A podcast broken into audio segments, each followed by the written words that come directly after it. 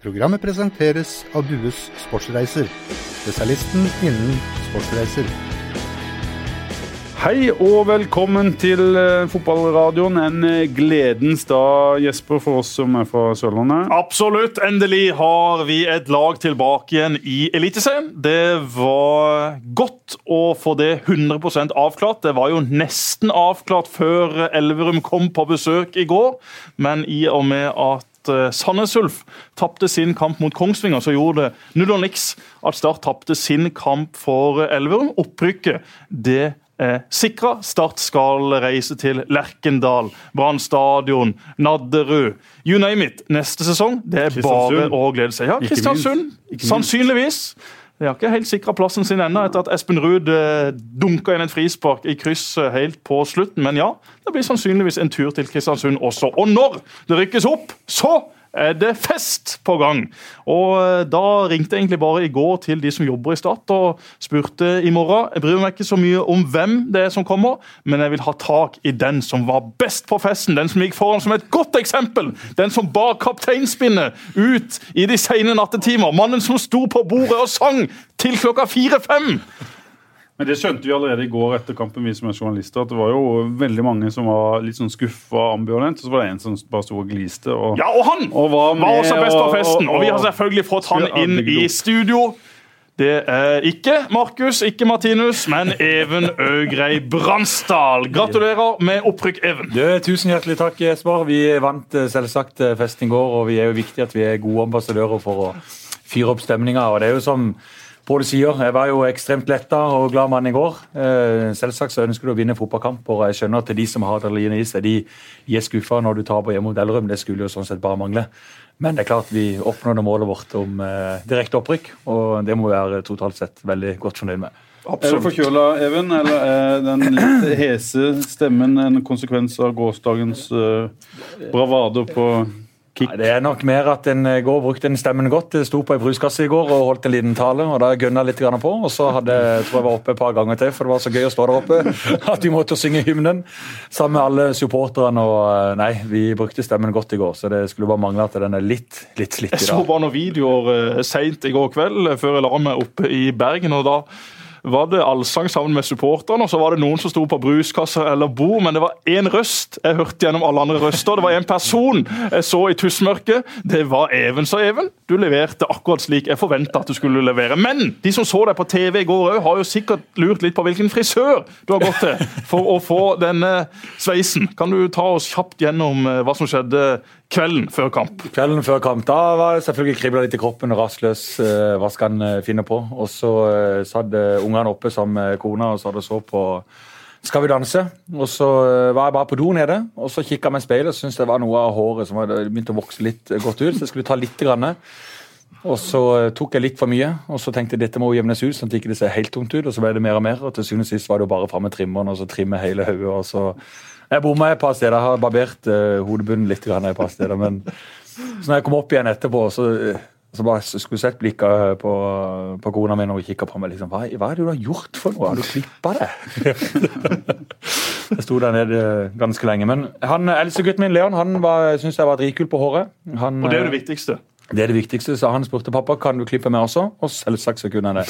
Så jeg skrella hodet av han også i tillegg. Så vi var Og Apropos ganske... det å klippe seg sjøl, så gjorde jeg noe av det samme i går før eh, sending. Fordi at eh, det hadde skjedd en feil i bookinga på sminkerommet oppe på Nøstet hos TV 2, hvor vi holder til. Nå har jo hele TV 2 vært i en flytteprosess over lang tid, skal over i nye lokaler, men Fotballekstra det består ut året i disse gamle lokalene. Og Vi kom inn på sminkerommet der det pleier å stå noen veldig flinke og hyggelige sminkører, men det var ingen som var booka. Og det var 20 minutter sending, så da hadde vi et problem. Eh, Marius Sminke Skjelbæk? Ja, altså Marius og David må iallfall ha sminke. Jeg klarer meg helt greit uten. Men, men eh, ja, man ser litt eh, sliten ut. Litt eh, Ja, kan se ut som man har litt, litt promille har vært en lang tur på byen dagen før. fordi det er mye lys, og da blir eh, det litt eh, synlig at man ikke ser så flott ut som man normalt ser ut på TV, da. i all Så er noe med svetting og litt sånne ting. Også, Er det ikke Ja, det? og det, det, ja da, det, det er en grunn til at eh, man er veldig nøye med at uh, sminkedamene eller sminkeherrene er på jobb for å eh, fikse det. Men det var ingen som var der. Du har ikke trengt å sminke deg for å gå på fotballrenn, for det er ingen som kan se det. Nei, jeg vet det, men jeg har jo selvfølgelig bevart sminka. Alltid dagen etter jeg har vært i fotballekstra, så dusjer jeg ikke, vasker meg ikke, bare går med den samme sminka for å liksom ja, se litt bedre ut enn jeg normalt sett pleier å se ut. Men uansett, det var ingen som var på jobb. Så Marius Skjelbæk, en av mine gode venner i dette programmet, han eh, først sminka seg sjøl. Han så ikke ut. Han så ut som han hadde vært eh, ja, 14 dager i Syden på ei solseng. Han så plutselig fryktelig eh, mørk ut. Og så skulle han da sminke meg, og han sminka meg ganske så greit. Og så til slutt var det Davy. Og Davy skulle da sette seg ned på en eh, stol. En stol uten ryggstø, og på den samme stolen var det hjul. Så idet Davy setter seg ned for å bli sminka av Marius, så forsvinner bare stolen. Og eh, gode gamle Davy Vatne ligger da på bakken og skjeller altså ut Marius og meg sjøl fordi at jeg ler som jeg aldri har ledd før. Det er klart at Når du ser han ligge der, først litt eh, småforbanna for at ikke det var noen som kunne sminke, og så ligger han der på gulvet, og det er kvarter 20 minutter til sendinga starter. Det er klart, Hvis noen hadde hatt det på tape, ja, så hadde det vært en klikkvinner over alle klikkvinnere i 2017. Dessverre så fikk vi det ikke på tape, men Omtrent som den gangen han ble spruta ned eh, Åh, for en video! De som ikke har sett denne videoen, fra Ny-Hellesund ut i Søgne, inn på min Instagram-profil. Der finner dere eh, dette klippet hvor Davy Vatne blir eh, forbanna. Samtidig så blir han nok litt glad for at vi eh, kødder sånn med han. Og så er det da Ole Martin Årst som filmer. Ole Martin Årst forresten spilte tennis med han på fredag. Vi er egentlig ganske jevngode. Syns jeg, da. Eh, og jeg har jo i min tid kjøpt eh, åtte tennisracketer borte, eh, borte i London. Meg og Kristoffer Langeland, faktisk, som er da sjefen i dette nye selskapet, som Even også er involvert i Start en drøm. Vi var over og skulle se på noe fotball. Og så ligger det en sånn svær forretning på Piccadilly Circus, Lily Whites tror han heter. En svær sportsforretning i fem-seks etasjer. Og de har alltid salg. Eh, har jeg fått vite i, etterkant på tennisutstyr. Men vi kom inn der, og vi hadde slått litt baller på tennisbanen før vi reiste. Og vi kom inn, og så så vi jøss 60% 70% 50% på gode tennisracketer fra Wilson og Dunlop og ja, you name it. Masse forskjellig. Så endte opp da med at jeg kjøpte åtte tennisracketer. Jeg kjøpte en tennisbag, jeg kjøpte masse tennisutstyr. Han stakkaren bak kassa da meg og Kristoffer kom dit, han måtte virkelig på jobb. Vi kom opp med det ene lasset etter det andre, så vi har tennisutstyr en masse! Vi har mye mer enn de har på XXL ute i Sørlandsparken. Send det til en kar i Arendal som heter Kari Risholt, som har begynt med tennis i stedet Han er opptatt fotball. av å se bra ut på tennisbanen. Kai Ja. Ligner jo på Roger Federer, hvis du tar vekk Kai Risholt, for han har det samme utstyret. Men utenom det så tror jeg ikke det er så veldig mange likheter. Bortsett fra at Kai Risholt selvfølgelig også spiller med en enhåndsbackhand. Uansett, jeg tapte for Ole på fredag. 1-6, 2-6, 2-6. Blytungt! Det er Alt tungt. gikk galt. Dere tapte òg i går, eh, Even. Vi må over på start og det som har skjedd. Eh, Oppsummere litt. Eh, Først, noen sa seier med bismak i, i går. Da sa du nei. Ja, du, det, når du inviterer og det er såpass mye mennesker, over 6000 mennesker som hadde lyst til å se Start eh, feie over Elverum, og man ikke klarer å få det til, så, eh, så skjønner jeg jo selvfølgelig at folk går hjem skuffa. Men selvfølgelig opprykk med bismak, ikke Ja. seier med Men jeg syns opprykket med bismak er det jo absolutt ikke. Vi har spilt eh, nå 29 kamper, og vi ligger fire poeng foran Sandnes. Og det er én kamp igjen å spille om, og vi er allerede sikra det før siste serierunde. Så vi må jo heve litt blikket, og det var litt oppgaven i går òg, i forhold til vi som er om bord. At vi, nå må vi jo liksom se sesongen som en helhet. Og da har vi vist at vi har bedre enn 14 andre lag, og da har du fortjent plassen å rykke direkte opp. Fortell litt om hvordan sesongen har vært for din egen del. Du eh, kommer inn i en sesong der mye er tungt, og der du til slutt sier opp eh, jobben. Da er vi vel eh, i Sørlandshallen en eh, dag i mars. I mars, ja. Stemmer det.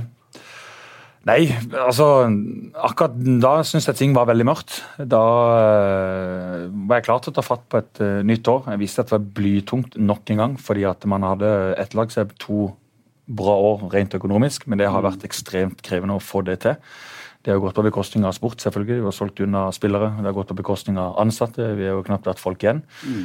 Og det var ganske utfordrende på begynnelsen av året. Vi, vi opplevde et par sykemeldinger på, med ganske tynnslitt administrasjon. Og så opplevde jeg da at eh, jeg følte vi, vi drar ikke i samme retning. Vi er nødt til å få det til. For det å rykke ned i Obos-ligaen med de manglende inntektene du får både fra media og billett og, og samarbeidspartner og alt som er, så, så er det kreves ekstremt mye arbeid for å få det til. Da må du i hvert fall jobbe i samme retning.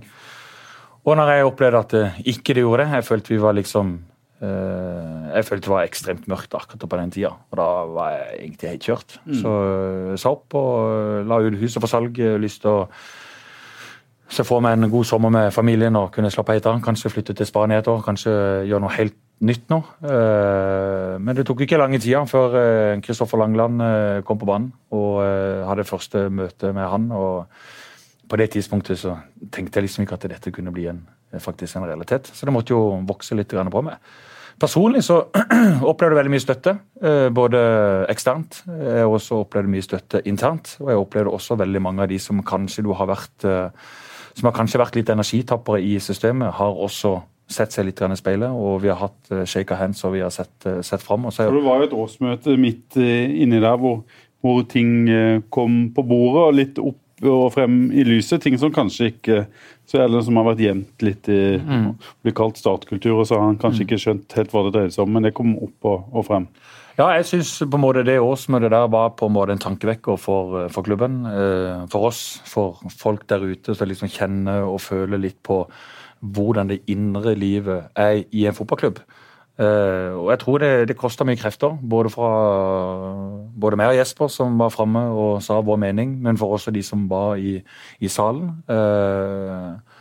Og så tror jeg det gjorde noe med klubben. Noen ganger så må du faktisk bare rive av plasteret og, og, sette skapet på plass og si at det, der er vi da, og så må vi erkjenne det, og så må vi se hvordan skal vi ta, ta fart deretter. Så uh, og Det syns jeg virkelig klubben, klubben, har gjort, og det syns jeg det viste i, i, sommer. Når vi kom inn med nye eiere, Start en drøm og enstemmig sto bak at nå er det ny tid for, for hele klubben. Og så syns jeg siden den gang så har det egentlig bare vært en evig opptur. Mm.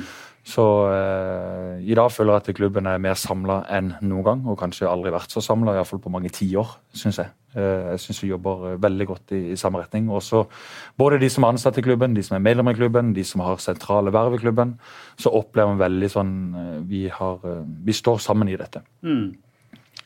Og så har det jo vært det har vært en liten berg-og-dal-bane, i hvert fall også i, i høst, med en, en en trener som eh, ikke lenger var, var ønska i klubben. Hvordan mm. Eh, opplevde du den eh, biten der? Du har jo flere ganger sagt i løpet av de siste åra at, at, du og Steinar Pedersen har hatt et godt forhold, og du var også mm. mannen som, som henta han til, mm. til klubben. Ja.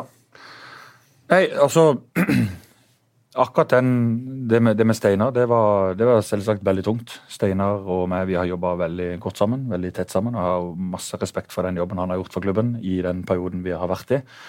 Så min, min oppgave er jo å tenke hva er det beste for Start? Ikke nødvendigvis hva er det beste for Steinar eller hva er det beste for, for andre. Men det er jo totalt sett hva, hva er det riktige for klubben og det ansvaret du har. Da er du nødt til å tørre å ta en 360 graders evaluering av alt som skjer i klubben. Og eh, når vi da landa på at da ønsker vi å gå i dialog med, med Steinar, så er det selvfølgelig personlig veldig tungt å sitte over bordet med en mann som du, som du har jobba så tett sammen med i, i, så lang tid. Og det har vært, det har vært tunge, tunge, stunder. Men Var det sånn at det ikke egentlig, sånn som Start er bygd opp nå, var til syvende og sist din beslutning? I og med at du har beveget deg litt vekk fra det sportslige ansvaret som er hos uh, andre? Ja, altså de beslutningene vi tar, tar vi jo, tar vi jo sammen. Og så har vi selvfølgelig fått inn en sportsleder som må evaluere ting på, på sport. Og, og, så er det jo, må folk også huske på det at eh, det som skjedde i sommer med nye eiere, det betyr at du, du, du, går en helt annen retning enn der vi har vært tidligere. Eh, Handler det om krav? Det stilles høyere, høyere krav til de som er ansatte i klubben? Ja, for alle så gjør det det. Og det, det, tror nok alle i organisasjonen kjenner på, eh, på en god måte. Og vi har fått inn veldig mange dyktige, kompetente mennesker i alle fagområder. Så vi er en ekstremt offensiv organisasjon. Og så liker jeg egentlig å kalle Start for en, en ny gründerbedrift. Vi egentlig starta helt fra scratch igjen. Og det å ha med nye mennesker som på en måte ikke har den historien, på en måte bare si at vet du, den historien den, den har ikke jeg vært med på, nå har jeg lyst til å se framover. Det er fantastisk. Og Bare som et eksempel i dag når jeg kommer på, på kontoret i dag etter vi hadde en stor fest i går, og så treffer jeg Eivind Hadeland på, på Marked, som jeg skriver ut avtaler for signering. og Sitter uh, as we speak i et nytt møte med nye potensielle samarbeidspartnere. Altså, her jobbes det og står på. at det, det, er folk som ikke hviler på laurbærene. Det, det har, har, innsats. Vi må litt innom det og økonomi etter hvert. Men uh, Jesper, hvordan, hva tenker du om det året? Start vært gjennom nå. Eh, når en ser tilbake på det om en stund, så, så blir det sikkert et historisk eh, Eller veldig spesielt år rent historisk i, i, i Stats historie. Det har jo skjedd noen ting eh, i løpet av dette året som kommer til å stå igjen som ting vi kommer til å huske. Mange sesonger jeg har vært med på, mange sesonger jeg ikke har vært med på er egentlig bare å glemme, men dette her blir vanskelig å glemme. Jeg husker sjøl eh, jeg var med eh, til eh, La Manga da Start var der, sammen med de andre topplagene i Obos-ligaen. Det var bare noen dager vel før Even kasta inn ja da, det var, ja da, det var det. Og da var jeg der nede og fulgte treningene og, og, så på de andre lagene og så kampene for å forberede meg fra TV 2 sitt hold til sesongen som begynte. Så bodde jeg med Even og Roy i en flott liten leilighet hvor vi grilla og drakk de herligste drinker utover kveldene, så det var veldig hyggelig, det. Og, og eh, i løpet av det oppholdet så, så har jeg egentlig aldri liksom eh, tenkt så mye på det som skjer utafor banen, eller akkurat det som skjer nærmest banen. Jeg har ikke, jeg har ikke satt meg så inn i, i, klubben som helhet, og hvordan fungerer egentlig det og det og det, og hva er mekanismene her. Jeg kjenner jo Fikk du av ham på kveldstid? Nei, men altså, så, så, begynte vi liksom å, å, diskutere litt, og så tenkte jeg vet du hva, nå, nå vil jeg jo sørge for at uh, det kanskje er en endring her. For jeg skjønte jo liksom på Even at han var på mange måter ferdig i hodet sitt. og, og uh, jeg har ikke funnet opp jeg har ikke funnet en eneste mann som kunne gått inn og tatt Evens stilling, slik det så ut i start på den tida. Så her var det jo om å gjøre å sende alle mann på dekk og sørge for å prøve å få redda dette. Mm. Og, og, dette årsmøtet kommer jeg også til å huske, og, og det var veldig spesielt for meg. Mm. For de jeg sto og pratet til, var folk jeg har vokst opp med i starthallen. Folk som har eh, spilt med pappa. Folk som hadde et nært forhold til pappa, folk jeg sjøl har et veldig nært forhold til. Og det da å klinke til mot uh, flere av de, Eh, var spesielt. og Det har jo også resultert i at et par av disse har håper eh, jeg, forsvunnet fra klubben nå i etterkant og sagt at dette kan ikke vi være med på. Vi var ikke enig i det som ble sagt, og det har jeg all mulig respekt for. Men for meg så føltes det sånn. Jeg gikk opp der og bare sa nøyaktig hva jeg mente, for en gangs skyld. Og så har jo dette med Kristoffer og Langeland og, og co. i etterkant vært eh, ekstremt spennende for Start, for Sørlandet, for Kristiansand, for alle som er involvert. Og det trengtes. for Hvis ikke så tror jeg bare det hadde surra og gått videre med slik det har vært. Elendig økonomi, opprykk, nedrykk, eh, manglende entusiasme. Eh, det hadde gått eh, veldig galt, tror jeg. Så at eh, Start, en drøm, kom inn sånn som de gjorde, var livsnødvendig for eh, Start som klubb. Og så eh, er det jo nå den virkelige jobben begynner. Man har rykka opp. Det var alfa og omega. Samtidig så skulle faktisk det bare mangle med det mannskapet man har.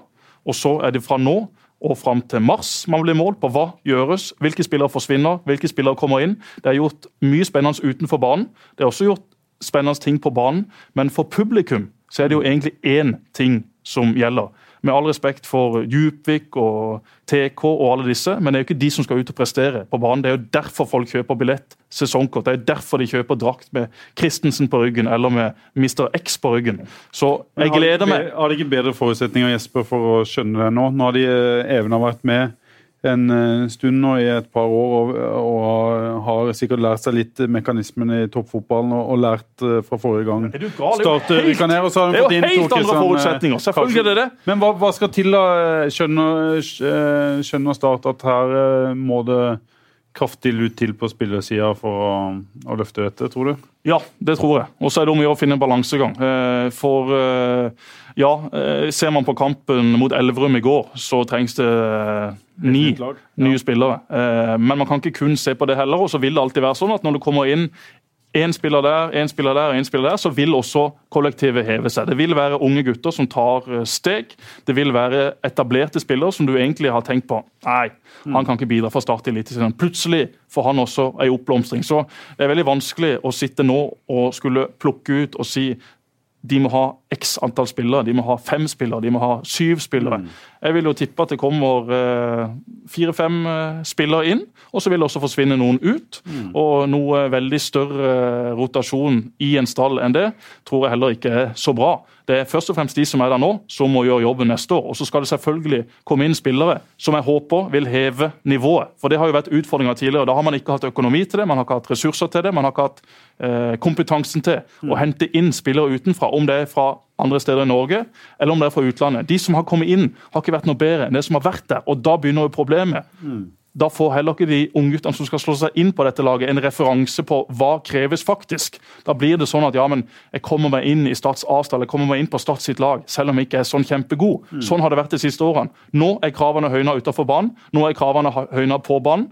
Og hvis vi ser på lagene i Eliteserien som kjemper på øvre halvdel, så er det ikke så himla mye som skal til. Altså Sandefjord lå på femteplass for ikke veldig lang tid siden. Så har de hatt en dårlig periode siden. Kristiansund og Sogndal og Brann, som nettopp var i Obos-ligaen. Brann har ligget i toppen av Eliteserien to år på rad. Hvorfor det? Jo, de har hatt et velfungerende kollektiv med et par lokale gutter som virkelig har tatt steget, som virkelig har utvikla seg. De har hatt en flink og nøktern trener. De har ikke henta inn noen spillere som har vært sånn wow. De henta Ruben Kristiansen, som var ferdig i Vålerenga. Han var avskrevet. De henta Aminori fra start, som rykka ned med et brak. Som faktisk var en av Starts beste spillere. det skal Daniel sies. Bråten var Daniel. Bråten var avskrevet mange mange ganger. Plutselig kommer til Bergen og er en kjempeviktig spiller for kollektivet. Jakob Orlov fått masse kritikk, men for Brann, for Lars Arne Nilsen, så har han hatt en ekstremt viktig rolle i den jobben han har gjort for kollektivet Brann, slik at det har fungert. Så har de et midtstopperpar som selvfølgelig du har skrøt av mange ganger her. og sagt Ja, de kanskje Sivert- er det beste i Norge. Ja, så har de Sivert har- Helte Nilsen, for Ja. eksempel, som også var avskrevet i Vålerenga, som Kjetil Rekdal ikke hadde noe bruk for. Så Det er om å gjøre å være smart, det er om å gjøre å være flink. Det skal på plass en trener. Det blir jo spennende å se hvem blir. Og så skal det på plass spillere. Tenk hvor gøy det blir i Sørlandshallen i vinter når man skal ut og se på de nye gutta. Se hvem som skal ta steget, hvem som skal være i elveren. Det blir en mye gøyere vinter enn den vi var gjennom i vinter, da Even Bransdal tok hatten og gikk ut av Sørlandshallen, før han eh, heldigvis spaserte inn igjen på et årsmøte og inn igjen på Sparebanken Sør Arena etter hvert. Nå har Jesper spådd litt inn, eller sett litt inn i, i spåkula Glasskula, heter det kanskje.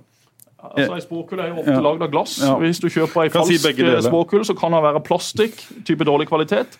Altså én ting, halloween òg. Det foregår i disse dager. Altså, For noe rør! Halloween. For noe tull! For det første, ja, det kan være gøy for små unger å gå rundt og si knask eller knep og tigge til seg godteri. For det er ikke de gidder å gjøre noe annet for å få tak i det godteriet. Men halloween er jo satt i gang av handelsstanden i Norge, for de skal tjene enda mer penger. Og det er fair nok, det. Men så har du alle de voksne som skal bruke dette halloween til å feste og lage klovnerier. Og alle de damene som skal kle seg som ja, horer! For det er det de gjør. De kler seg så utrolig lettkledd. Halloween skal plutselig være unnskyldning for å vise fram nesten hele kroppen. Er dere enige eller er dere uenige? Eller vil jeg ikke kommentere? Nei, jeg er ikke i den uh, generasjonen. Jeg, ser Ja, men Du har da det- sosiale medier. Du ser også bilder som blir lagt ut. jeg, har, jeg har ikke den type mennesker som venner Nei, på okay. Facebook, tror jeg. Men uh, vi har jo barn på samme alder, Even, og vet jo hva dette Bare betyr for Trine, jeg sitter og spiller inn fotballradioen. Jeg sitter og spiller inn fotballradioen. Vi snakker, vi snakker om eh, damer som kler seg veldig lett på halloween. Er du enig i at det er bare en unnskyldning for damer til å kle seg veldig lett? Ja. Jeg hørte om det senest på radio i dag morges, eh, for da tar jo opp den på og det er jo eh, meget kreativt. Akkurat. Men ja, det er jo mye sant i det. Hvis du skal kritisere kreativiteten, så legger vi bare på. Ja, bra. Hei, hei. Ha det. Trine var enig. Det er Hun bra. mener at vi tar opp ting fra andre radioprogrammer. Det gjør vi ikke. Jeg hører jo ikke på radioen, men eh, dette er en av mine mange fanesaker. Og sosiale medier i disse dager blir jo tapensert med dette halloween. Jeg trodde halloween også bare var én dag. Det, det har jo vart i to uker! Ja, da, kanskje det. Så du ut og knaske og Ja, selvfølgelig, Han kan jo bare gå ut med den sveisen sin, så blir folk livredde. Nei, Guttene mine de gleder seg veldig til halloween. og det er klart eh, Halloween det er jo for de å få seg en svær pose med, med smågodt og gå ut og jakte. og synes jeg er gøy å kle seg ut. Og Hvis noen har lyst til å kle seg ut for å ha et påskudd for en fest, så, så får de gjøre det. Jeg Ja, har du kan gjerne det. Men folk Ja, samme det. Men, men, Samme det. eh, Spåkula! Vi må tilbake til spåkula. Ja, ja. Jeg så inn i spåkula. Hva tenker Even om den spåkula? Det var akkurat det jeg skulle spørre om, Jesper. Du skulle vært journalist, men det er du jo nesten. Altså, jeg har jo ei uke på Feven da jeg var 14. Arbeidsuka. Den brukte jeg hos eh, Feven. Satt der hos Egil Olsen, Arild Sandvik og co. og hjalp de med mange forskjellige ting. Egil Olsen var jo stor United-fan også på den tida, så jeg faktisk satt og skrev opp terminlista til United. Jeg vet ikke hva han skulle bruke det til. Sikkert noe helt annet enn eh, det jeg trodde. Men Egil Olsen er en hedersmann. Stor United-fan. Driver nå reisebyrå. Så trenger du å bestille turer til det herlige utland, ja, ta kontakt med Egil Olsen, da vel. Fikk han litt gratisreklame? Ja, ja. Fire-fem spillere, sier eh, Jesper. Hva kan du si om, eh, om det som veldig mange lurer på i, i disse dager? Ja, jeg tror eh, en kan forvente at det kommer inn noen nye spillere til, eh, til klubben. Det er jeg ganske sikker på. TK han er, han er på jobb, han. Så eh, vi har hatt, allerede hatt eh, en samtale da, og litt om, for nå kan vi begynne å planlegge Eliteserien. vi- Men er det sånn at dere ikke har hatt så mange sånne type samtaler eh, frem til i går, eller er det bare noe dere sier for, for at det ikke skal bli eh, feil fokus, da, som dere vil Ja, kalle vi, det? det er liksom Vi diskuterer jo selvsagt spillelogistikk gjennom hele året. Eh, men, men vi kan ikke Det er vanskelig å sitte over bordet og så si at det selvsagt blir bli et eliteserielag i 2018. Vi må planlegge i forhold til det. Det blir litt sånn, eh, spesielt innenfor denne verden. Vi må ikke jinxe noen ting som helst. Så eh, Men eh, Ja, og, det, og, det, og det er jo det gøyeste med Kristoffer Langeland. For de som kjenner han, han er jo ekstremt opptatt av Om det er 99% sjanse, ja. En av 100 ganger så går det feil. Han tenker negativt. Ja, jeg tenker ikke negativt, men han, han, han er såpass innforstått med at ja, noen ganger så går det faktisk sånn. Så jeg har fyrt på han de siste ukene.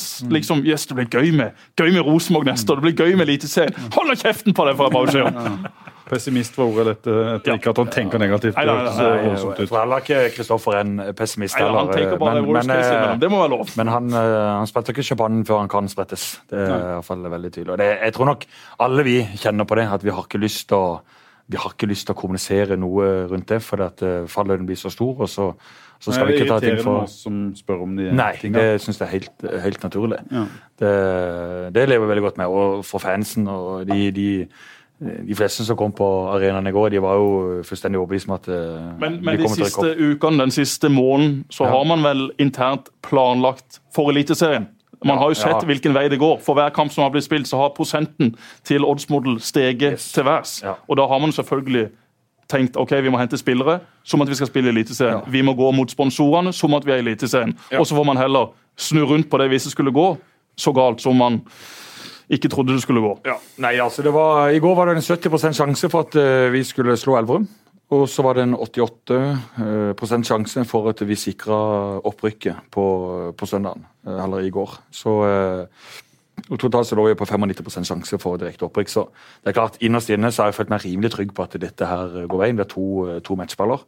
Også, men samtidig så hadde jeg veldig tro på at vi skulle feie over Elverum i går. Noe klart vi ikke får til. Men med Sandnes Ulf de har ikke vist seg tilliten verdig til å faktisk rykke direkte opp. Og da røyk det på en kjempesmell mot Kongsvinger. For de har vært forferdelig dårlige. Det må jeg bare De si. Jeg har sett eh, Sandnes Ulf nå i tre kamper, for den de spilte i går, den fikk jeg ikke sett. For den gikk samtidig med Start. Men for et drittlag. Ja, De har dratt eh, kontakten langt ut av støpselet. Og eh, Det blir jo litt interessant nå, for nå er det Ranheim, Ullkisa og Mjøndalen pluss Sandnes Ulf som blir disse fire lagene på kvalik. Og jeg vil jo tippe faktisk at det å møte Sandnes Ulf vil nesten være den mest attraktive motstanderen. Hvis ikke de har skjønt at ok, Start blir en overmakt, det blir vanskelig for oss å, Nei, å konkurrere med de, og at det har skjedd noe i huene med de, at de nå Jeg tror ikke, altså, se på de spillerne som er der, så er det voksne gutter som har vært med på mye. Eh, Jeg har hele tida frykta Sandnes Ulf. Ikke fordi jeg syns de har vært så gode, men hvis du ser på typene de har. Ja, Start har liksom vært det laget som har vært forventa å skulle rykke opp. Mm. Det er klart at Hadde de slått Kongsvinger i går, ja, så hadde det vært totalt kaos inn i den siste runden. den kampen startet i går i tillegg. Absolutt. Og. Åsane har vært ferdigspilte, og de eh, var fryktelig borte mot Bodø-Glimt i går. Men allikevel, de har Huseklepp, de har Herrem, de har et par spillere som vil elske den type anledninger, og som gir blaffen i om det hadde ødelagt for Start. Så jeg ble utrolig glad da det ordna seg i går. Og så blir det jo også det totale kaos på søndag med Fredrikstad på nedrykksplass, som det har vært mye rør i den siste uka. Nå er altså Elverum eh, foran. Fredrikstad må få med seg poeng, de, mot eh, Sandnes Ulf. Og det blir ikke noe lett, for Sandnes Ulf skal kjempe med nebb og klør for å få tredjeplassen, som da gir de hjemmebanefordel i disse kvalikkampene, som kommer eh, Ja, de skal vel bli spilt etter uh, julaften i år, skal de ikke det? Jo. Ja. De eh, spilles ut i januar-februar Ja, en gang. Nei, det er vel før jul. Men eh, Jesper, mens vi først er inne på det eh, sportslige, hvem spiller kvalik for eh, Eliteserien? da? Av de fire lagene. Eh, og Å Eliteserielaget. hvem, hvem spiller playoff-finale? Hvem som spiller playoff-finale? Da går jeg for eh, Ålesund. De går rett ned, sammen med Viking. Og slik Sogndal har sett ut i det siste Sogndal har ikke vært Sogndal. eh, Da tror jeg det blir Sogndal som tar kvalikplassen fra Eliteserien.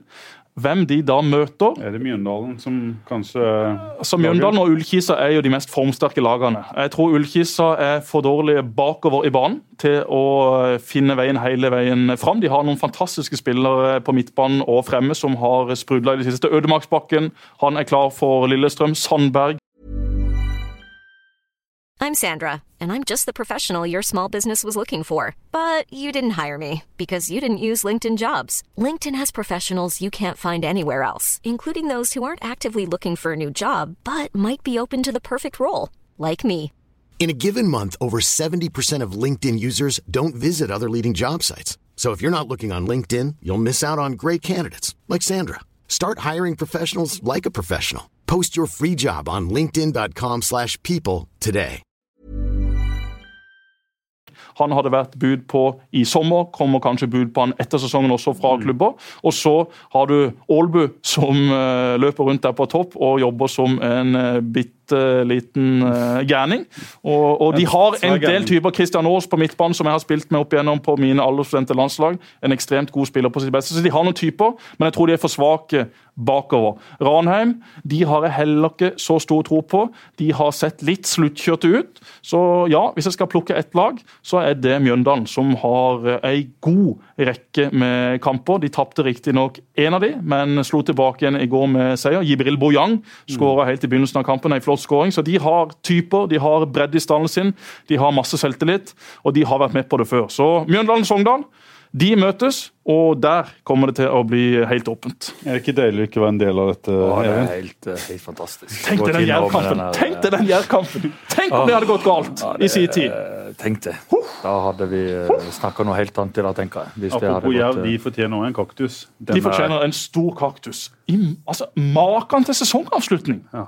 Hvis vi snakker om at Sandnes Ulf har dratt støpselet ut av kontakten, så har jo Arne Sandstø vært i sikringsskapet og ødelagt alt! Dratt ut ledningen inn til huset og kutta strømkabelen ut i gata. De har vært totalt sjanseløse i de siste kampene. Hvor er moralen? Hvor er stoltheten? Skal man ikke bygge litt tro og positivitet inn mot 2018? Nå er det jo ingen i Grimstad som har tro på at Jerv skal være med og kjempe igjen i toppen, slik de har fremstått den siste tida. Utrolig skuffende. Sammen med Arendal. Brukt millioner i sommer. Har sett ekstremt dårlig ut, ut resten av sesongen. Nå er de ferdige. Rett ned i Post Nord. Apropos Lykke til. Jerv, eh, Even. Jeg har hørt et eh, rykte på byen om at det har vært noen samtaler mellom Start og, og Jerv om eh, kanskje muligheten for at eh, noen fra Start går til, til Ja, jeg synes det er helt naturlig at vi snakker med Jerv eh, om eh, måten vi kan samarbeide på. Jeg fikk eh, flotte meldinger både fra Per Gunnar Toppland og Cosmo Collett i går, eh, som gratulerte med opprykket. Jeg synes jeg det er en flott gest fra de, og til og med fra Bård i Arendal også. Sendte, Bård Sterk Hansen sendte en melding i går. Nei, jeg synes vi, eh, med Rune Au, som kjenner til Start og, og vet hva dette her går i, så er det helt naturlig at vi setter oss ned eh, sammen med Jerv og ser hvordan eventuelt vi kan samarbeide.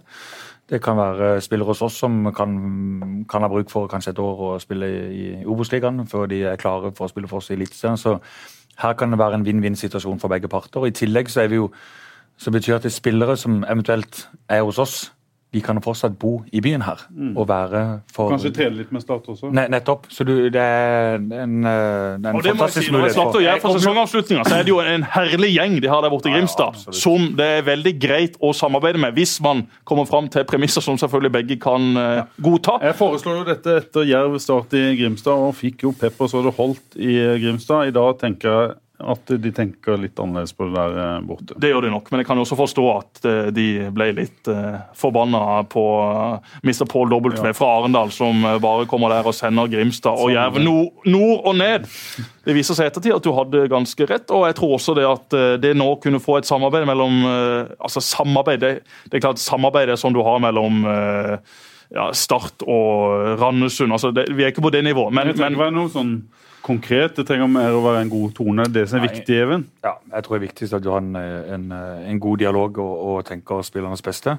Og eh, Kommer du fram til en løsning, så tror jeg Jerv syns det er ok, og vi syns det er ok. Så Altså, det handler om, enkel, handler om enkeltspillere. Se på Jerv for eksempel, i år, som har slitt sånn med å finne en spiss som skårer mål. De har prøvd Akintola, de henta han her eh, lysmasta fra, fra, fra utlandet. Og så har de hatt Alexander Lind, som vi ikke har sett den, den siste tida. F.eks. Lars Jørgen Salvesen, som røyk kneet sitt, som var fantastisk i oppkjøringa, som jeg hadde stor tro på skulle få sitt skikkelig gjennombrudd i år. Kanskje kan han være en spiller som kan ha gått av et år i Jerv Thomas før han Sernikov eh, da er tilbake. innom. Thomas Sernikov eh, det samme. Så dette kan være vinn-vinn for Mm. både Start og, og Jerv. Og så blir det spennende også å se hva som skjer med Arendal når de nå rykker ned. Jeg tror de vil eh, være helt i toppen neste år, og de vil være ganske klare favoritter til å rykke opp med tanke på hva slags budsjett hva slags penger de har brukt på spillere. og faktisk Mange av de spillerne har jo kontrakter som også går neste sesong. Så Arendal kan fort være tilbake igjen i Obos i 2019, sammen med Jerv. Fløy, da. Fløy kommer ikke til å være med og kjempe om et opprykk, men jeg håper de kan stabilisere seg i andredivisjon. Det er blitt tøft nå, som det er blitt med en andredivisjonsavdeling med, med, som er mer spissa i forhold til det det var før. Fløy eh, håper og tror jeg kan stabilisere seg i andredivisjon, og at de kan være der. Og så Vindbjart i tredje. Ja, Vi har mye gøy å snakke om framover, men vi skal ikke snakke om alt det i dag. Vi må snakke litt mer om økonomi, eh, Even. Det, det ble jo sagt at eh, en går inn med, med 40 millioner totalt sett, disse nye eierne. Hvor mye av det skal brukes nå i løpet av kort tid for å ruste Start for, for det som kommer. Altså, Vi har jo satt et mål når det skal etableres i Eliteserien. Og da, er det, da må jo taker selvfølgelig fortelle litt hva det hva koster det. For eh, hvor mange spillere trenger vi, hva skal de koste, hvilken hylle skal vi hente på. Det er jo et regnestykke, dette, eh, som vi kanskje kan forklare litt til folk. Eller du får forklare det, da. At eh, en bruker jo mer penger, men så er jo målet også å tjene mer uh, penger. Ja, altså vi, Hvis du ser i norsk fotball i dag, så finnes det en del klubber som faktisk klarer å tjene penger, og også ganske gode penger. Det, det, når du virkelig tjener gode penger, er jo hvis du har gode spillersalg. Eh, da må du være god på spillerlogistikk. Og hvis du i tillegg klarer å Eller utvikle dine egne Eller utvikle, utvikle dine egne, selvsagt. Men det, det også innbefatter spillelogistikk. Det er å hente de råeste talentene på Sørlandet og utvikle de til å bli best mulig. Men uh, samtidig så, um, så er det det å, å bygge opp en markedsavdeling som faktisk klarer å og som gjør at du klarer å få en driftsmodell som gjør at du kan gå i balanse. Det er jo det. Og der har vi ligget ganske stille. Uh, vi har hatt veldig mange lojale samarbeidspartnere. Hva har vært inntektene på markedssida i Start de siste åra? Ca. 20, men vi har vært oppe i, på det meste over 30 i våre beste tider. Så tror jeg faktisk det er fullt mulig at vi ikke kommer opp i 40. Og det vi ser nå, at nå, nå blir folk med på en reise. Vi har, signert veldig mange samarbeidsavtaler nå i løpet av høsten. Det har vi aldri klart å få til før. Hva, hva er budsjettet for neste år, sånn eh, grovt eh, sett, hvis du kan si noe om det? Ja, jeg tipper at vi, vi kommer fall til å sette opp budsjettet mellom fem, opp til 25-30 millioner på, på sponsorinntekter. Og så selvfølgelig billettinntekter vil jo da være enda mer enn det det har vært i år. Og, eh, men det som er en kjempefordel for oss nå, at nå legger vi grunnlaget. Alle avtaler vi signerer nå, er minimum tre år. Det betyr at når vi sitter her og har en ny fotballradio om et år til, så vet vi allerede det som vi har klart å oppnå i 2018, har vi garantert med oss i 2019. Og så er det å få tak i nye samarbeidspartnere som har lyst til å være med på den reisa og bygge dette, bygge dette over tid. Og så kommer det selvfølgelig eh, med en økt satsing, så øker også utgiftene. Mm. Lønnsutgiftene, f.eks. Og spillelønninger. I Start har en hatt et lønnstak på vel rett under en million kroner tidligere. Det eh, gone. Ja, nå tror jeg ikke vi, eh, vi, vi skal være edruelige og nøkterne i alt det vi foretar oss. Men det handler om også, vi kan heller bruke litt mer på å vite at vi får øh, ordentlig kvalitet, enn å ta veldig høy risiko på å trekke, se om du kan trekke et vinnerlodd. Du kommer sikkert til å gjøre det også innimellom. Da er det veldig kalkulert, men hvis du først skal hente inn kvalitet, så må du betale for det. Det ser vi også øh, når vi har henta inn kompetente mennesker hos oss. Så, eh, så, betyr det at de krever kanskje noe mer lønn enn en, en du kunne hente en vanlig eh, selger som kunne gått inn og gjort en jobb. Men, men du ønsker kvalitet i alle det, og det klarer du fint å tjene inn. Eivind Hadeland, med en gang han signerer én avtale, mm. så kan det være nok til å dekke hele hans lønn, og så, eh, så blir det et alt annet bonus. Hva, hva ser du for deg at totalbudsjettet til Start blir de neste åra? Neste år først, da? Ja, Vi har ikke helt Men 60 60 millioner, kanskje, rundt der. Kanskje. Det har vært eh, noen og 40 i år? 46? Ja. Det var vel det som var budsjettet. Hva er forskjellen på, på type TV-penger? Så hva er forskjellen fra, fra, det man får fra, fra den biten, eh, Obos, til Eliteserien? Ja, du kan iallfall plusse på fem direkte fra, fra TV-avtalen. Og så er det jo noe som er akademiklassifisering som går på spillerutviklingsmidler. Der kan vi også øke med et par millioner. For det er noe nytt? Det er noe nytt, ja. Det er en ny satsing fra, fra norsk toppfotball sammen med Toppfotballsenteret om at uh, vi uh, Fotballen ønsker å premiere klubber som driver god spillerutvikling.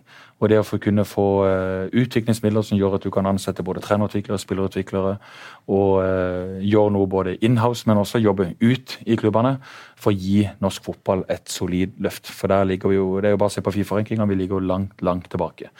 Så uh, det må kombineres, sammen med at du er nødt til å også i tillegg hente inn profiler både nasjonalt og internasjonalt, som gjør at produktet norsk fotball øker. 10-15 millioner så er mer både utgifter og kostnader neste, neste år. Eh, har dere noen sånn, eller har du noen tanke om hvor en skal komme? En har vel vært på er det 104 eller 96? Jeg husker ikke hva totaltallet var i, i kanskje 2007, som var toppåret, men rundt 100 millioner. Er det et eh, realistisk eh, scenario igjen? På sikt så kan nok eh, bli det, men det skal gjøres eh, med edruelighet. Det skal gjøres at vi vet at vi har inntekter til å dekke, dekke kostnadene. Det er store forskjell nå med Start en drøm kontra for ti år tilbake at det skal ikke bygges noen ny arena. Arenaen står der. Den er ferdig og klar. Vi vet nøyaktig hvilke kostnader. Den, den eier jo ikke Start lenger. Er det et, eh, et mål å eie mer av, av stadion? Ikke, ikke, nødvendigvis. Vi syns det er flott at Kristiansand kommune eier den arenaen. Den brukes jo veldig mye til breddeidrett i, i tillegg, så det er jo en arena for, for hele Sørlandet. Så, men vi må jo jobbe mye med hvordan vi kan videreutvikle den arenaen. For det, vi spiller 15 hjemmekamper uh, i løpet av året, eh, pluss noen cupkamper. Men utover det så er det jo ganske stille. Altså, Vi har jo uh, flotte fasiliteter for uh, kamp, da.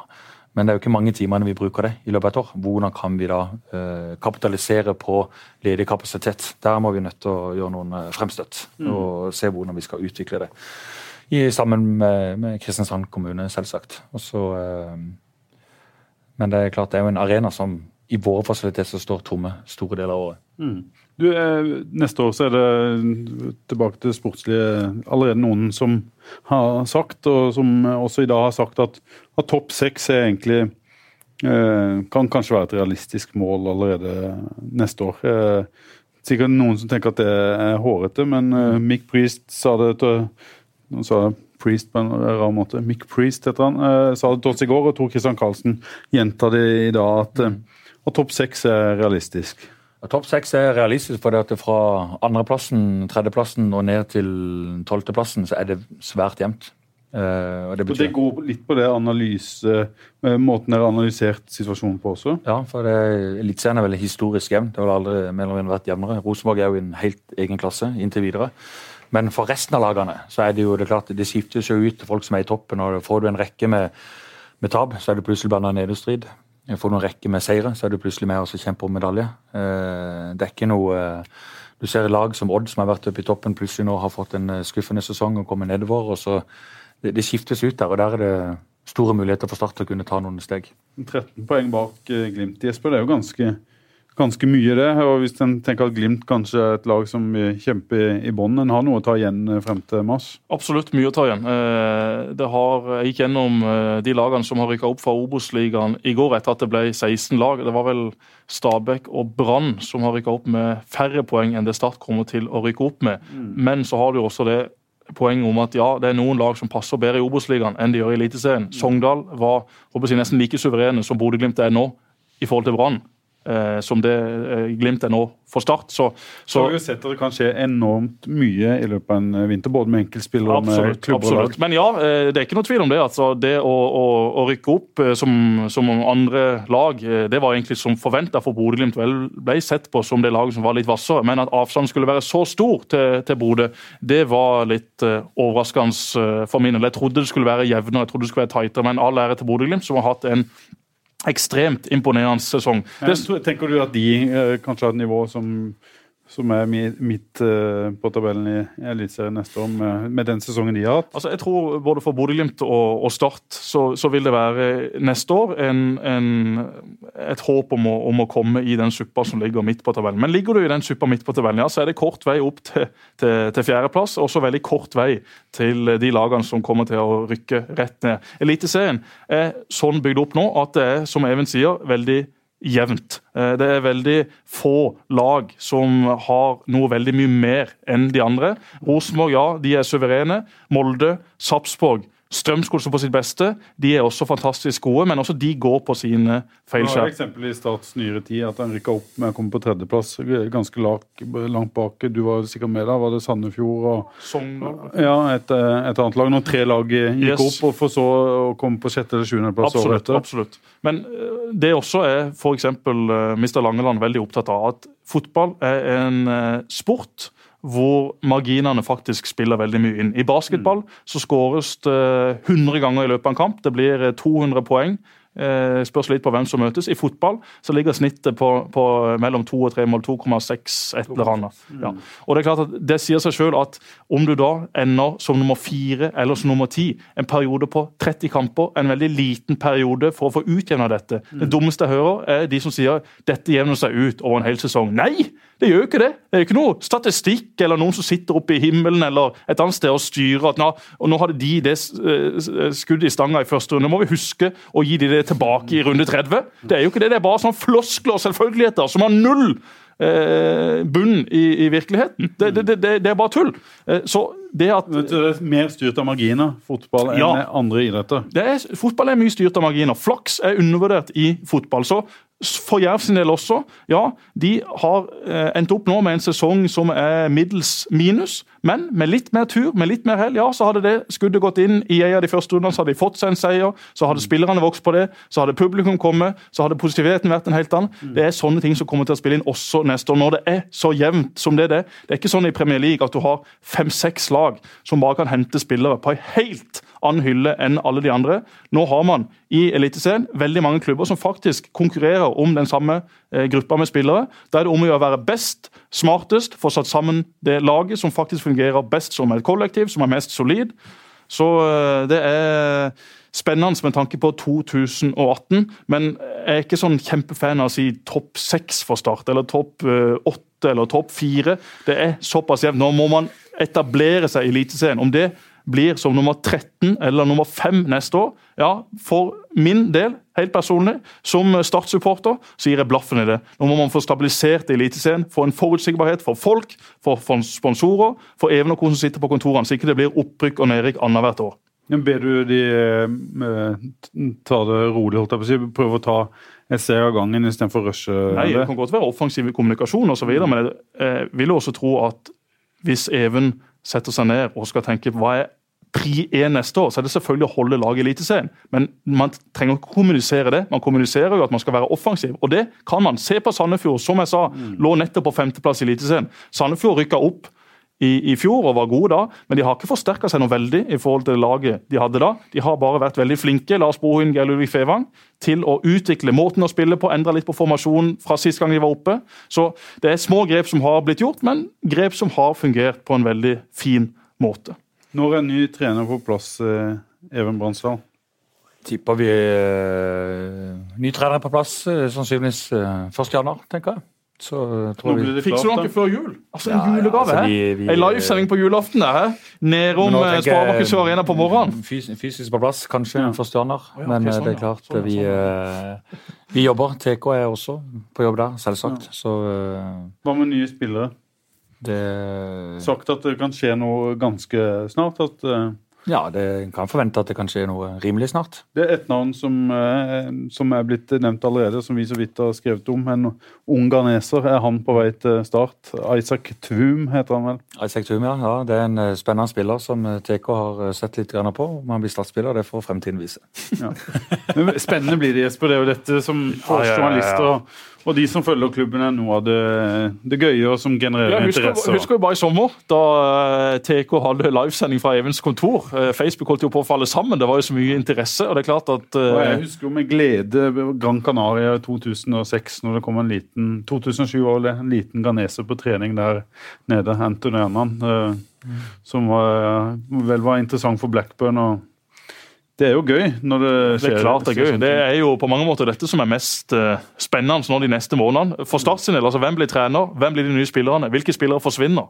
Eh, hva skal man tro på neste år? Nå har Even og co. gått rundt til sponsorene og solgt inn et budskap. Og sponsorene er jo trygge på at dette skal bli bra. Dette er noe nytt. Dette er folk som står bak her med en eh, visjon og en motivasjon til å få dette himla bra til. Så det er jeg helt sikker på kommer til å gå. Gleder du deg til å overraske folk, eh, Even? Selvsagt. Det er jo noe av det gøyeste av alt. Men jeg må si at Hvis jeg trekker meg litt ut da, hvis jeg trekker meg litt ut fra start og så ser inn på start nå, hvis jeg prøver å sette meg sånn som jeg tidligere var en, var en supporter, jeg kjøpte sesongkort og gleder meg til hver ny sesong. Hvis jeg, jeg kan si som supporter så har Start og Sørlandet vunnet i Lotto. De har fått inn eiere med kapital, eiere med kompetanse som har ekstremt lyst å få til noe med klubben. De er offensive, og de kommer aldri til å gi seg før de klarer å oppnå sine mål. De har virkelig klart å få det til gjennom å drive en internasjonal virksomhet i sterk konkurranse med ekstremt mange aktører, og de har kommet seirende ut uh, igjen av det.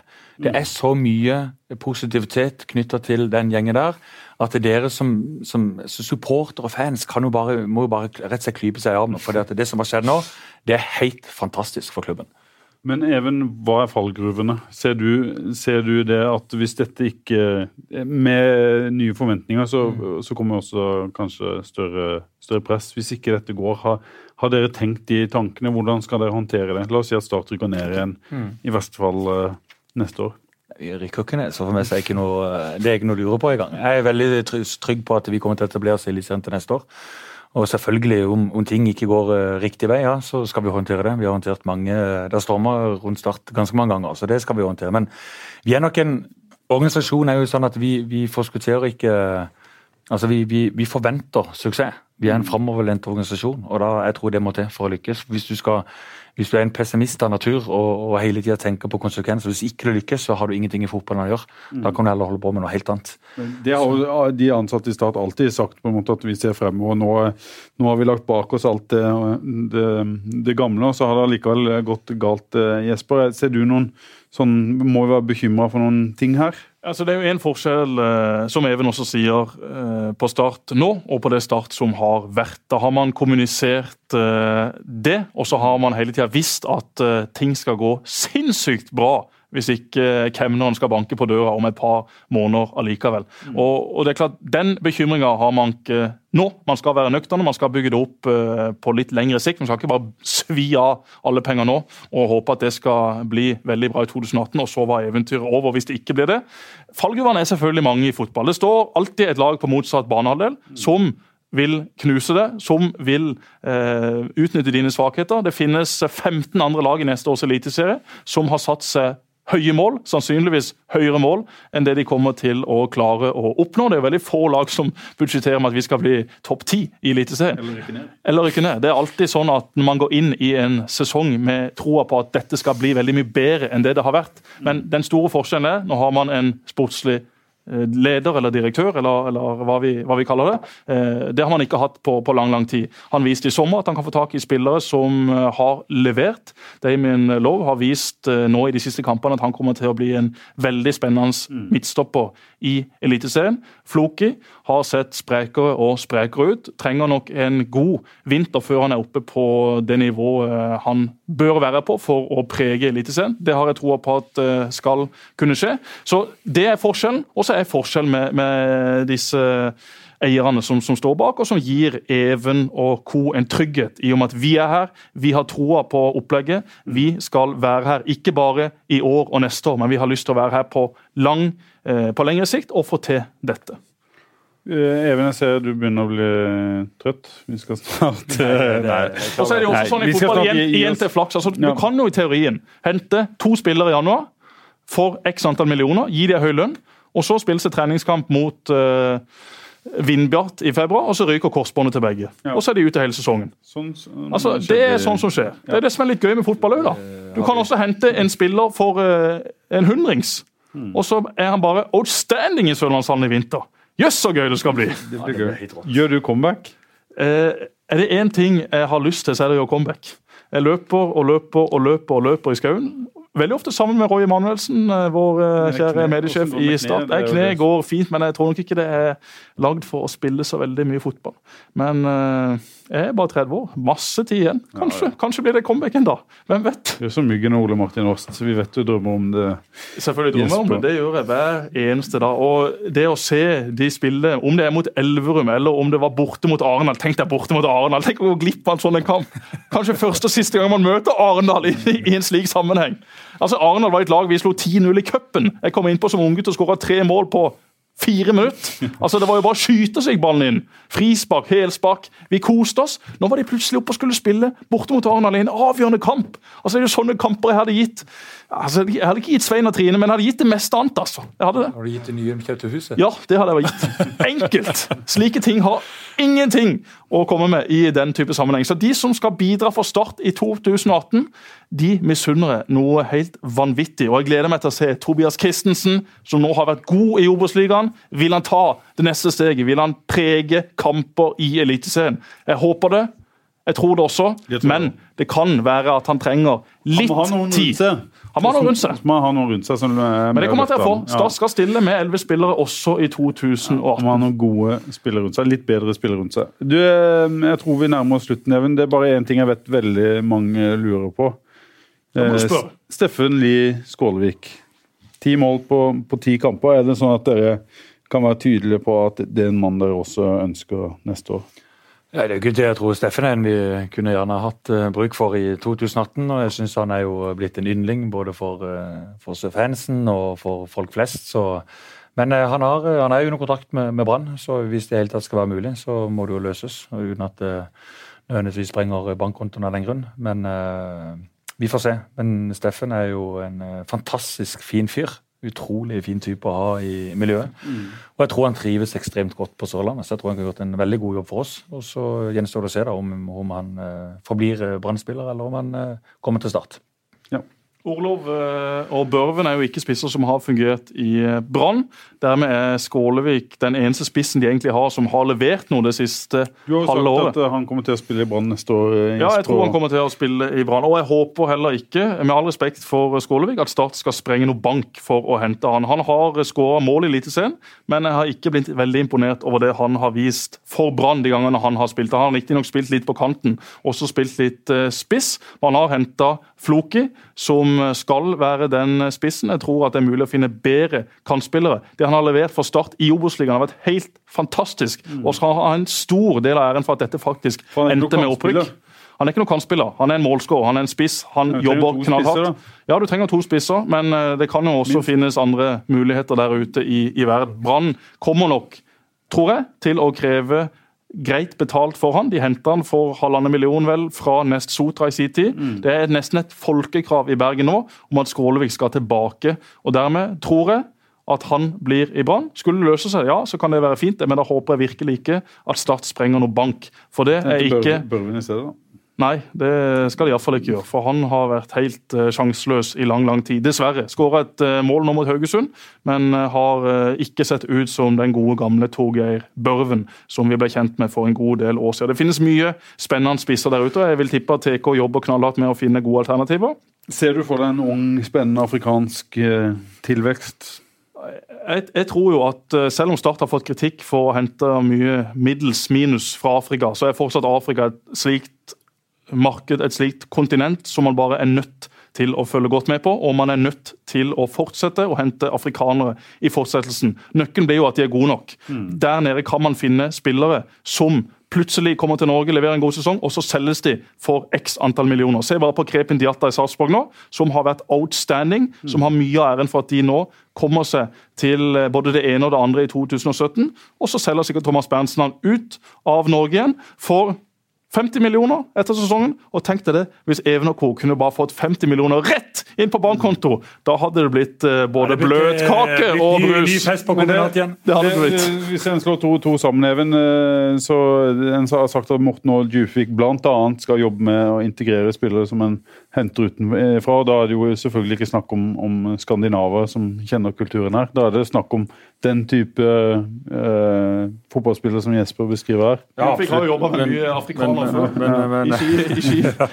Nei, men, men samtidig, det handler om uh, unge spillere også. Det handler om egentlig alle. og det, Jeg tror veldig mange unge spillere i dag har litt å lære på det å være en helprofesjonell uh, toppidrettsutøver. Hvordan gjør du det med matlaging, hvordan gjør du det med kosthold, restitusjon. Vær sånn bevisst på en del ting som Morten eh, kan veldig mye om. Og, så Det kan også selvfølgelig være afrikanske spillere som på en måte må lære seg litt av det å bo i Norge. Du må lære deg å gå på butikken, hvilke matvarer og hvilke retter skal du bruke, sånn at du er best mulig skjerpa. Men, men det kan også brukes til en del av de unge spillerne eller de rutinerte spillerne. kan godt være Noen kan få noen, noen aha-opplevelser. Start har nå muligheten til å bli en klubb som spillere vil spille for. Og Der har du også mye av nøkkelen til hvordan Start skal begynne å virkelig hevde seg i Eliteserien. Også Unge spillere i Norge de snakker sammen. Hvis de vet at i Start er det et opplegg som er sånn og sånn, de trener sånn og sånn, vi blir fulgt opp på den og den måten, på banen, utenfor banen, det er et kult sted å være. Bor i den fineste byen i Norge med det beste klimaet. altså Det er så mange ting her. Du har universitetet hvis folk vil kombinere det med å studere et eller annet. altså Det er tusen muligheter. Start har muligheten til å bli en av de klubbene i Norge som unge spillere virkelig vil spille for. Altså Ingen vil jo reise til Molde for å spille fotball. Molde! De Det tar noe- altså de har fått til noe 15 av sekunder før du du går gjennom den, den gata, og så er Molde ferdig. Men de har fått det til det. Ja, for de har Ole Gunnar Solskjær. Ja. De har en trener som har hatt, og som fortsatt har, en ganske stor stjerne. Og så har de hatt en rimelig utømmelig pengesekk Mm. fra Gjelsten og Røkke, som har dytta inn penger i den klubben i veldig mange år. Men tenk om man kan få til noe av det samme i Start. Hvis man kan få spillere ned hit som virkelig vil komme hit. Utvikle seg og så bli solgt videre til en større klubb den dagen de har bidratt eh, godt for Start. Spennende tider Spennende tider. for Start og for Fotballradioen. Vi er tilbake igjen om ei uke. Ja, det må vi vel. Ja, Vi kan ikke, vi kan ikke sesongen, avslutte sesongen eh, riktig ennå. Jeg skal en tur til England i mellomtida, se Nottingham Forest eh, spille fotball. Nottingham Forest. Ja. Hvordan endte du opp der? Det er, det er min bror, rett og slett, som er Forest-fan. Okay. Så, men jeg skal også se Manchester City Arsenal, så jeg får med meg litt eh, toppfotball. Takk Yes. for at du kom, Even. Takk for at du kom, Even. Det er gøy Veldig hyggelig å være Det er her. gøy med det. Veldig gøy med dere også. Programmet presenteres av Dues Sportsreiser, spesialisten innen sportsreiser.